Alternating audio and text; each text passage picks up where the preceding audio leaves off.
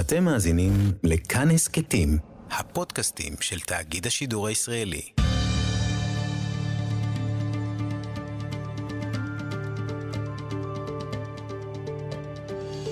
כיוון הרוח עם בני טייטלבוים שלום לכם, האו"ם קבע את יום השואה הבינלאומי בתאריך 27 בינואר, ולנו רק נשאר למלא בתוכן את היום הזה.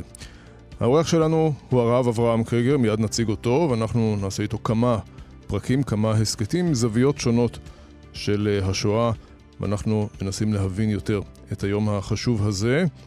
נזכיר את מה שאמר הרב, אה, אומר הרב ישראל מאיר לאו, יושב ראש מועצת יד ושם, הוא נוהג לומר, השואה מסרבת להפוך להיסטוריה. זה משפט שאני לוקח ממנו.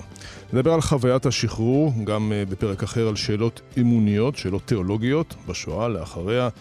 גם על הגילויים האחרונים בעניין אה, אנה פרנק, כנראה לפי החוקרים יהודי הוא שהסגיר את כותבת היומן המפורסמת בעולם, לפחות בעולם היהודי. אז אנחנו איתך, הרב אברהם קריגר, ראש המרכז הבינלאומי שם עולם. שלום, תודה שבאת לאולפנינו, הרב קריגר. שלום וברכה, בשמחה. מילה לפחות על שם עולם. מה... Okay. אוקיי. המרכז הבינלאומי, זה נשמע שם מאוד כן, דרמטי. הוא אכן בינלאומי, זה מרכז שקיים מעל 20 שנה, ועוסק בשואה, אבל בהיבט, מציב אותה כהיבט שונה מאשר ההיבט של הטרגדיה והסבל והרוע של העם היהודי, אלא דווקא לוקח כיצד האנשים וכיצד הציבור התמודד בתוך אותה המציאות של קצה הקיום האנושי, בשאלות ערכיות, מוסריות, דתיות, רוחניות, תרבותיות, ההתמודדות זה הסיפור. אפרופו המשפט שאמרת, שהרב לאו אומר, אנחנו אומרים אותו קצת אחרת, אנחנו קוראים לו עבר שלא עובר.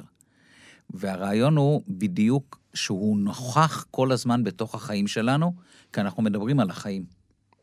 העובדה שרב עומד בראש הארגון הזה אה, צובעת את הארגון בצבעים מסוימים? אה, אני לא אומר שהארגון אין לו איזושהי, נקרא לזה אוריינטציה יותר לציבור הדתי, אבל הוא ארגון פתוח, הוא ארגון שחלק מהצוות שלו הוא מה שנקרא מהציבור הכללי, עובד עם, אה, עם אנשים, עם מוסדות חינוך, עם סטודנטים, עם בוגרים מכל ה... מכל הציבורים, נקרא לזה, של החברה הישראלית, ולא רק הישראלית, כפי שאמרנו, הבינלאומי, אנחנו עובדים גם בחו"ל, ואנחנו עובדים גם עם לא יהודים.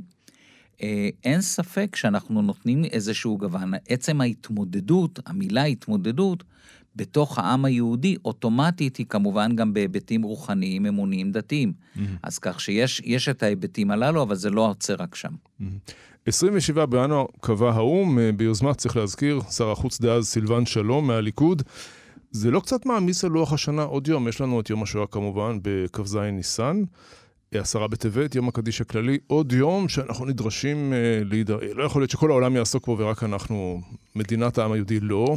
אז, אז זה מה שקרה באמת, זאת אומרת, התוכנית, אני חושב, המקורית לא הייתה בדיוק יום שמכוון כלפי החברה הישראלית פנימה, אלא הוא באמת כוון כלפי העולם, שהעולם אה, ימשיך אה, לזכור, ובעיקר, כדי להוות תמרור מפני האנטישמיות. Mm. השואה היא, ה, נקרא לזה, האנטישמיות הכי נוכחת של העידן המודרני. ולכן הייתה חשיבות לבוא ולהציב את זה. בשלב כלשהו, אני לא יודע להסביר אותו בדיוק, החברה הישראלית גם אימצה אותו, אולי בגלל הטיעון שאמרת, לא ייתכן שכל העולם יעסוק ואנחנו לא.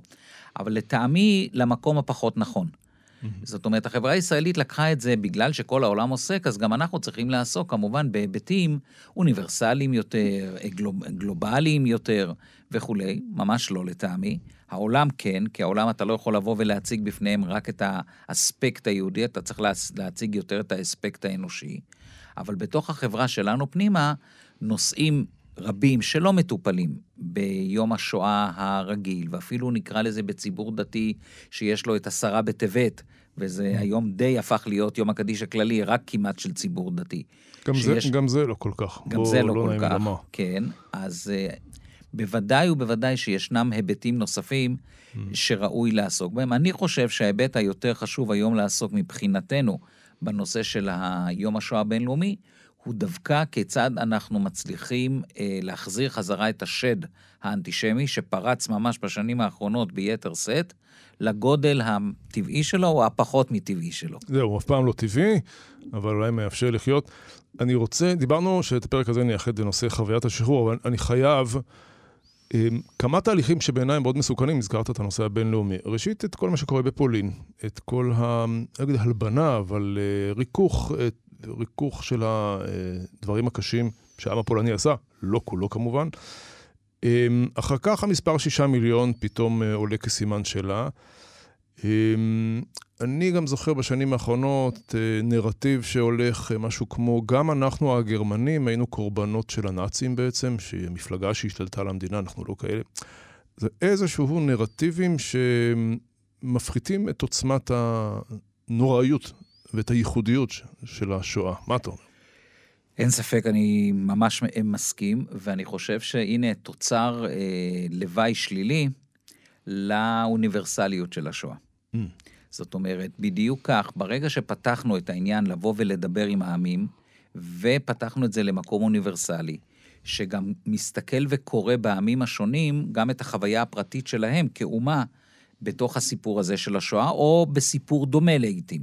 סיפור, נקרא לזה, של, של, של התנכלות מכוונת שנמשכת שנים וכולי וכולי. ואנחנו לרגע, אני חושב, לצערי זה כבר לא רגע, יש חלקים מאיתנו שהתבלבלו. פשוט מאוד, לקחו את השואה למקום, אה, לא מזמן, אני לא רוצה להיכנס לעניינים פוליטיים דווקא, אבל לא מזמן, עד כדי כך זה נלקח, ששר החוץ שלנו בא ושייך בכלל את המושג של שנאה למשהו מאוד מאוד רחב. זה לא אנטישמיות, אנטישמיות היא שנאה והיא קיימת בכל העולם. אני לא מכיר, אם ניקח את הנושא של השואה, אני לא מכיר אירוע בכל ההיסטוריה שאנחנו, לפחות העם היהודי חווה, אני מדבר אה, עד, עד חורבן, אחרי חורבן הבית, סליחה, שבמשך תקופה כזו ארוכה, העם נתון להתקפות חוזרות ונשנות, חמש וחצי שנים. אולי אפשר לשוות טיפ-טיפה את תקופת האינקוויזיציה, אולי אפשר לשוות טיפ-טיפה את מסעות הצלב, אבל כמובן לא בהיקף ולא בעוצמה ולא במשמעות של כל כך הרבה מדינות מעורבות בזה. הסיפור של השואה הוא קודם כל סיפור יהודי, ואסור לנו להתבלבל. בגלל שהתחילו לעסוק פתאום בנאצים ובמשתפי פעולה ובמדינות שונות וכולי וכולי, לרגע פתאום הפכנו להיות שרגע, זה סיפור אוניברסלי, אז בואו נתחיל ליצור משוואות. והמשוואות הללו, אז uh, אני כבר מתחיל להבין את הרוע, ואני קצת מתחיל להבין את המשמעות של הרוע, ורגע, אולי גם אני נגוע ברוע. עכשיו, כהרהור וכביקורת עצמית זה דבר טוב, תמיד צריך להיות אה, אנשים שחיים עם ביקורת עצמית, אבל יש פער עצום בין ביקורת עצמית לבין ההשוואה של השואה. בגלל שברגע שאתה נכנס לאותה השוואה, כמו שיש כאלה שעושים, אנחנו יודעים גם בקרב אה, אנשי מפתח במדינת, במדינתנו הצנועה, יש אנשים שמשתמשים בכך. אנחנו ממש חוטאים לאמת, כי אנחנו לוקחים את הסיפור הזה, שהוא מבודל מכל סיפור של רצח עם ומכל אירוע דומה, ואנחנו פתאום מכניסים אותו לאותה פלטפורמה. כן, יש גם uh, זילות של המושג שואה, וזה כבר קשור לדיון אחר, אולי תקשורת, שואה תחבורתית, שואה אקולוגית, uh, ממש זילות של המילה. זה נכון, כי באמת... Uh, צריך לזכור שהעם היהודי לא מיד uh, חטף במרכאות את המילה שואה. בשנים הראשונות ממש לא השתמשו במילה הזו.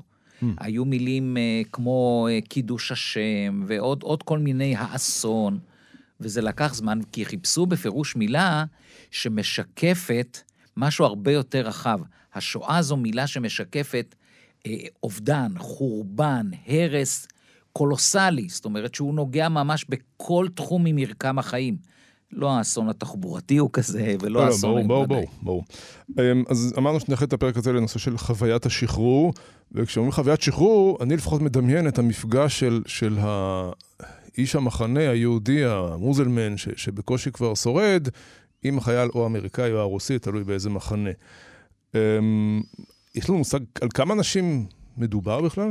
קודם כל, רק דקה אחת, אני רק רוצה לסייג, זה ממש לא רק אל מול דמות שכזו, חייל רוסי ברור, או חייל ברור. בריטי. בוא נאמר, ברוב המקומות זה היה מול עצמם. Mm.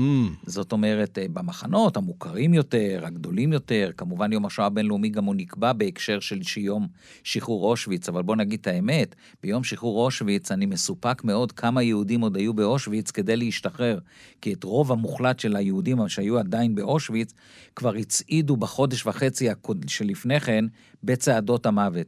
אני אפילו... אני חושב שאני לא אסתכן אם אומר שאני לא בטוח שהיו אלפיים יהודים באושוויץ ברגע השחרור. מה אתה אומר? כן, כך שאנחנו לוקחים סמלים וצובעים אותם, אבל הם ממש לא שכאלו. וגם במחנות אחרים, שוודאי, כמו ברגן בלזן, במקומות שכאלה שכן ראו את המשחררים, אם זה הבריטים, או בסביבה הלא רחוקה את האמריקאים, או בדכאו ובמקומות כאלה, אבל היו, רובם היו במקומות שהיו עד לא מכבר מין שילוב של, של מחנה ריכוז ומחנה עבודה. ואלה פשוט שוחררו בעצם מהמציאות שהגרמנים אה, לא היו יותר בעמדות השמירה. או, ה, או הווחמנים האוקראינים לא היו יותר במגדלי השמירה. וכך פשוט אנשים אה, הבחינו שמשהו קורה. לא, לא ממש משחרר, לא ואיפה, ממש איזה... לא, לב, מה הם עושים? מה, אין להם כסף לכרטיס לאוטובוס. נכון, בדיוק כך. ופה הנקודה היא ממש מרתקת. קודם כל, מה, מה, לאן הולכים בכלל? כי האדם היה גם באיזשהו בלבול. צריך לזכור שחלק מהאנשים הם, הם חמש וחצי שנים, נקרא לזה, מחוץ לציוויליזציה. ממש כך.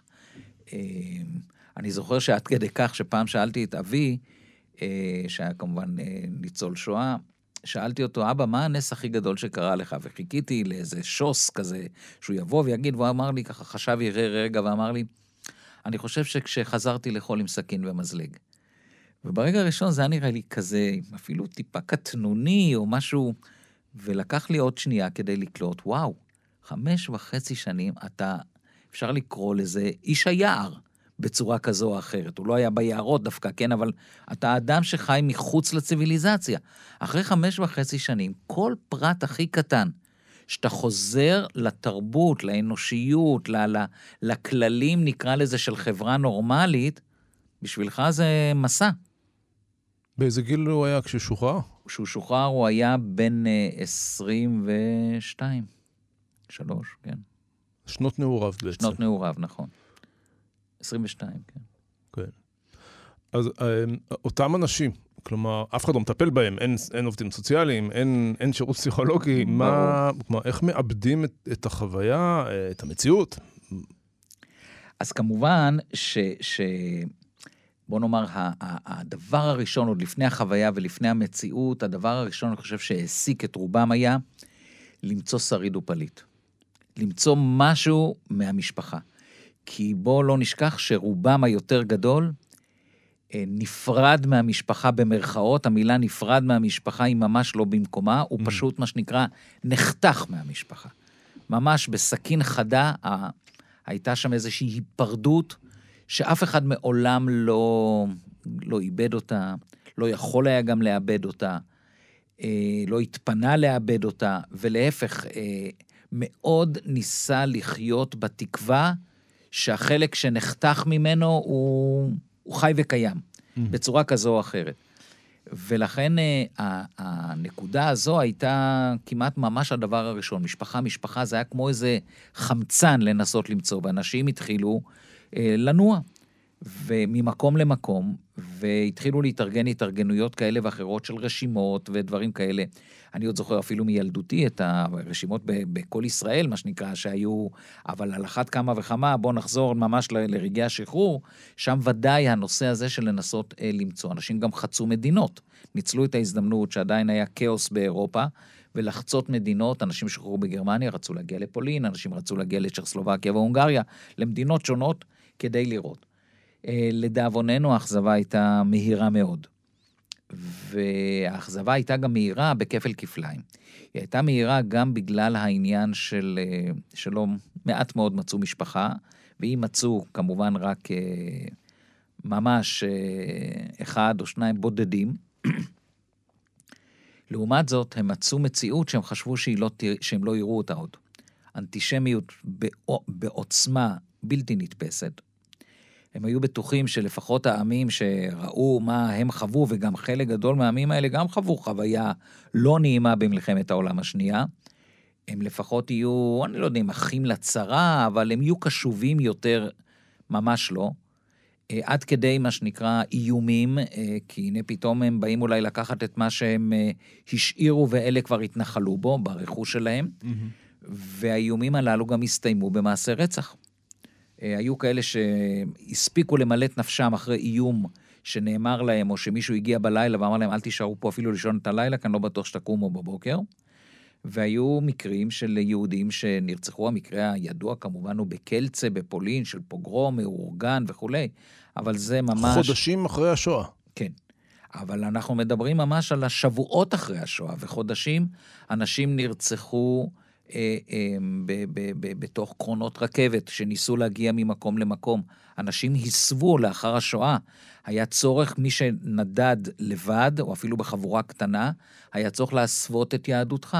הביטוי שאנחנו מכירים היום של עמך, או בהעברה האשכנזית שלו שהייתה עמכו, הוא נוצר בעיקר על הרקע הזה, שהם השתדלו לטשטש את יהדותם, אבל בעיניים הם הצליחו לזהות אה, יהודי אחד את השני או את השנייה, ומילת הקוד הייתה עמכו. במילים אחרות, האם אתה יהודי? לא רצו יותר מכך, כדי שלא יזהו לא את השפה ולא את ההיגוי. זאת אומרת שהעם היהודי מצא בשחרור עולם לא הרבה פחות מאיים, כמובן לא בממדים הנאציים, אבל עולם מאיים, כאשר ברוך השם הם גם נתקלו בהיבטים שונים של הצבאות האמריקאים והבריטים, כולל גם הרוסים, שכל אחד בדרכו שלו ניסה כן להתחשב, היו גם היבטים אה, לא, לא בדיוק כאלה. אנחנו יודעים בעיקר על נשים יהודיות, שזה היה הסיוט שלהם להיתקל בצבא הרוסי המשחרר.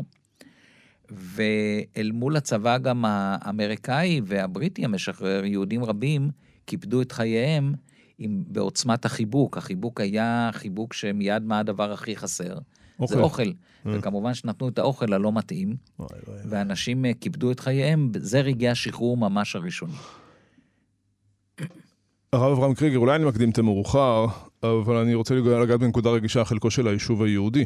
כלומר, יש כאן, עדיין אין מדינה, אבל, אה, ויש אה, שערים סגורים, והבריטים, ואנחנו מכירים את כל ההיסטוריה. היו גם טענות כלפי היישוב היהודי שלא עשה מספיק. האם בחוכמת הבדיעבד, שהיא חוכמה קטנה מאוד, אנחנו יודעים, היה אפשר לעשות משהו אחרת?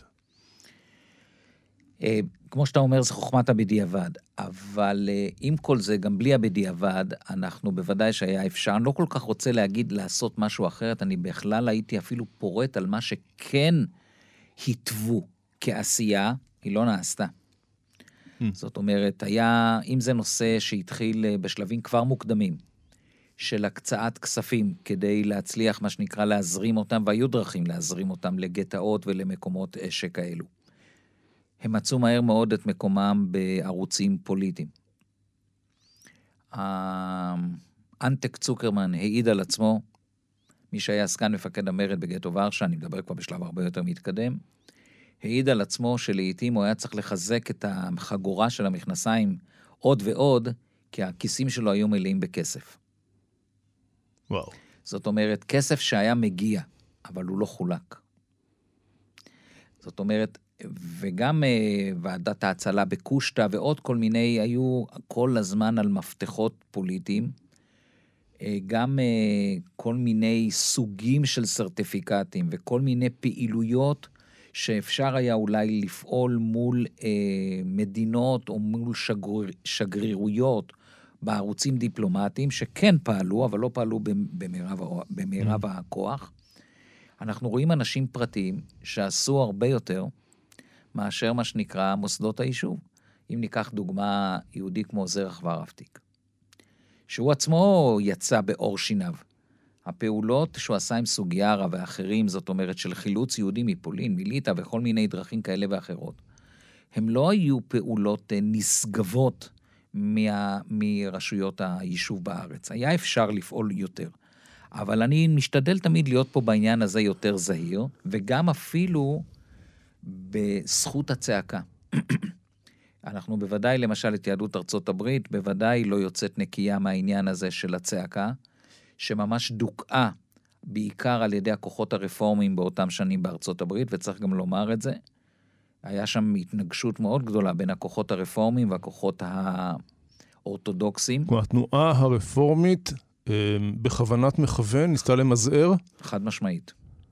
חד משמעית, זה ניתן, זה אפשר לבדוק את זה בבימ, בכל בימה אפשרית. יש את זה ממוסמך? יש את זה גם ממוסמך, ויש גם נחקרים שנעשו את זה, mm-hmm. וגם בעיקר, דרך, אני אומר, הניו יורק טיימס שנשלט, שנשלט על ידי יהודים ממקום מסוים, ועוד מה שנראה, מתוך חשש, אני בכל זאת רוצה להסגיר, להסביר את העניין, מתוך חשש שזה יכול להעמיד את היהדות בארצות הברית, היהודים בארצות הברית, בפוזיציה של נקרא לזה, של אזרחים שעניינם הוא משהו אחר, הוא לא Mm. החברה האמריקאית. בוא נחזור לחוויית השחרור, דיברנו כן. על האוכל ש, שהיה למעשה חרב פיפיות, אה, גם גרם נכון. למוות. ואז באמת אה, אחת מהתופעות שאנחנו נתקלים, הן תופעות של ניסיון להתקבץ. זאת אומרת,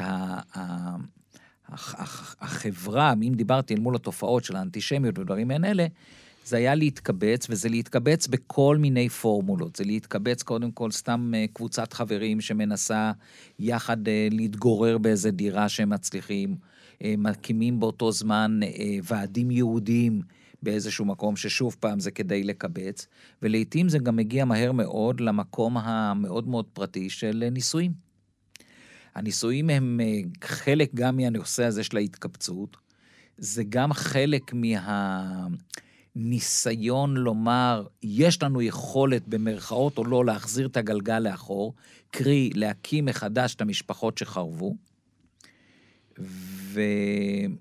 וכמובן שהנישואים גם היו פעמים רבות אה, נישואי, אה, נישואי בוסר מהסוג הזה, של הכוונה בוסר לא מתוך היכרות גדולה ולא מתוך התאמה כל כך גדולה, אבל אה, מתוך מה שנקרא צורך מאוד גדול של לבוא ו- ו- ולהיאחז במשהו, בעוגן של העולם הנורמלי שהם הכירו, כי שום דבר עדיין בעולם לא נתן את העוגן הזה. זה היה כמעט העוגן הראשון. אה, בעולם הדתי זה מאוד מעניין, העוגנים דווקא התארגנו די מהר. כי... אבל לא מספיק רחב, אבל די מהר. זאת אומרת, זה התחיל מיד עם אה, דווקא פה היהדות בארצות הברית פעלה, והרב אה, אליעזר סילבר ועוד כאלה שמיד התארגנו לוועדי הצלה שפעלו באירופה והגיעו לשם, גם בהיבט הנפשי. מהמם. שלא היה בדיוק גופים אחרים שפעלו בעניין הזה, וגם בהיבט של לנסות להחזיר, להחזיר את האנשים למצב של אה, עולם אה, נורמלי. צריך גם להדגיש, כי באותו זמן הפוליטיקה הקלוקלת שלנו פעלה במלוא המרץ, גם אז. גם אז, חד משמעית. והגיעו שליחים מהארץ ומכל מיני מקומות מהר מאוד, ואחד מהמנטרות היו, בעיקר לאנשים שהגיעו מרקעים של ש- שמירת מסורת, שתשכחו, זה העולם של הגלות, זה לא העולם של ארץ ישראל, תעזבו את זה בצד, זה דבר שנשכח, זה דבר שנעלם, אין מה לחזור אליו, אתם רוצים לחזור לגלותיות, לפחד, ל... בואו, אנחנו עכשיו בעוז ובגאון, והיו אנשים לא מעטים שזה קסם מאוד, וגם באו ואמרו, "ת- נעזוב את הכיתתיות, נעזוב את כל הדברים הללו, ונלקחו לתוך הדברים הללו, והיה ברור לעולם האורתודוקסי שאם לא יפעלו מהר, אה, באיזשהו מקום אנשים מתוך אה, תמימות. יש אנשים שעברו את כל התהליך הזה אפילו עד הגיעם ארצה. אנחנו בשם עולם, היה לנו מתנדב שנים רבות, הרב מנחם אופן, שהוא עצמו היה ניצול שואה, ועלה ארצה והוא הקים את אה, ישיבת בני עקיבא כפר הורה בקפריסין. מהמם. כי הוא כמובן לא הורשה להיכנס לארץ, ואחר כך הוא היה, בישיבת בני עקיבא כפר הרואה היה ר"ם של, ה, של הילדים הניצולים, היה, הם היו נקראים ילדי מנחם. ממש ככה, ב double, ב double meaning, כן? בכפל משמעות. והוא לקח אנשים, אחד מהם, אחד מהם דוגמה, אנחנו מכירים את הדמות הזו היום, הרב אה, דוב ליאור. מהמם. שהגיע כנער, ובעיקרון נשלח ל- ל- ל- לקיבוץ, שאיננו קיבוץ אה, שקשור באיזושהי דרך לעניין של המסורת, אבל הלב שלו נמשך, אח אחד נשאר שם. אבל יש הוא לא- לו אח, נכון, כן. יש לו אח קיבוצניק אבל חילוני. הוא, הוא נמשך, והוא הגיע אבל בלי, בלי שום ידע. הוא את כל השנים הללו איבד בתוך המציאות הזו. והוא היה צריך כמעט להתחיל לקחת נערים וללמד אותם את האלף-בית העברי לעיתים, או קצת מעבר. שום קשר בין המושג ישיבה תיכונית למוס, למקום שהם עמדו בו מבחינת... אבל משהו בלב שלהם כן אה, משך אותם לתוך העולם הזה של המסורת. והיו גם הרבה אה, שאלות ולבטים. אה, אלי ויזל, שהכרתי אותו אישית, הוא היה גם אה, כמה שנים חבר ב, באגודת ידידים האמריקאית שלנו, והיה לי שיחות איתו. דיבר לא מעט, וגם בספריו הוא הביע את זה, אבל אה, סיפר לי סיפורים לפעמים מרטיטים, שממש, של של השעות הראשונות, של הימים הראשונים של השחרור, הבלבול הזה שכאילו אני, מה הייתי? ישיבה בוחר, בחור ישיבה, שיצאתי מהישיבה ולאן הגעתי? זאת אומרת, הגעתי פתאום למה שנקרא בשפה אה, של קצטניק, הפלנטה האחרת, ובתוך אותה פלנטה איבדתי לאט לאט את הכל, ואני פתאום, בום, אני בשנייה אחת מחוץ לזה, ורגע, ואיך אני עכשיו אה, מקשר בין העולמות של הבחור ישיבה לבין העולם הכאוסטי הזה, שלכאורה בא והראה שאין לי דין ולי דיין, אין, אין, אין, אין, אין, אין, אין לעולם הנהגה כאילו, ואני מתחיל אה, להתבשל, והוא סיפר על שיחות מרתקות בינו לבין חבריו, באופן כזה ראשוני מאוד. אני רואה את זה גם מיומנים, או יותר נכון, זה אפילו לא היה יומנים, זה היה ממש בשחרור, היו נשים שהיו יחד במחנות, והם הבינו שתוך זמן קצר הן הולכות להתפרד, כל אחת לאיזושהי דרך אחרת, ומאוד פרחו, אם אתה, אם, אם, הצור, אם, אם המאזינים גם זוכרים, היה מאוד פופולרי בשנים כאלו אה, ספרי זיכרונות, אישיים כאלה, כן? זה גם היה יותר מאוחר פופולרי, אבל באותם שנים, וכותבים להם לקראת הפרידה, מילות פרידה כאלה, כמין ספר זיכרונות. Mm-hmm. יש לנו כמה ספרים כאלה שהגיעו לארכיון שלנו. מרתק.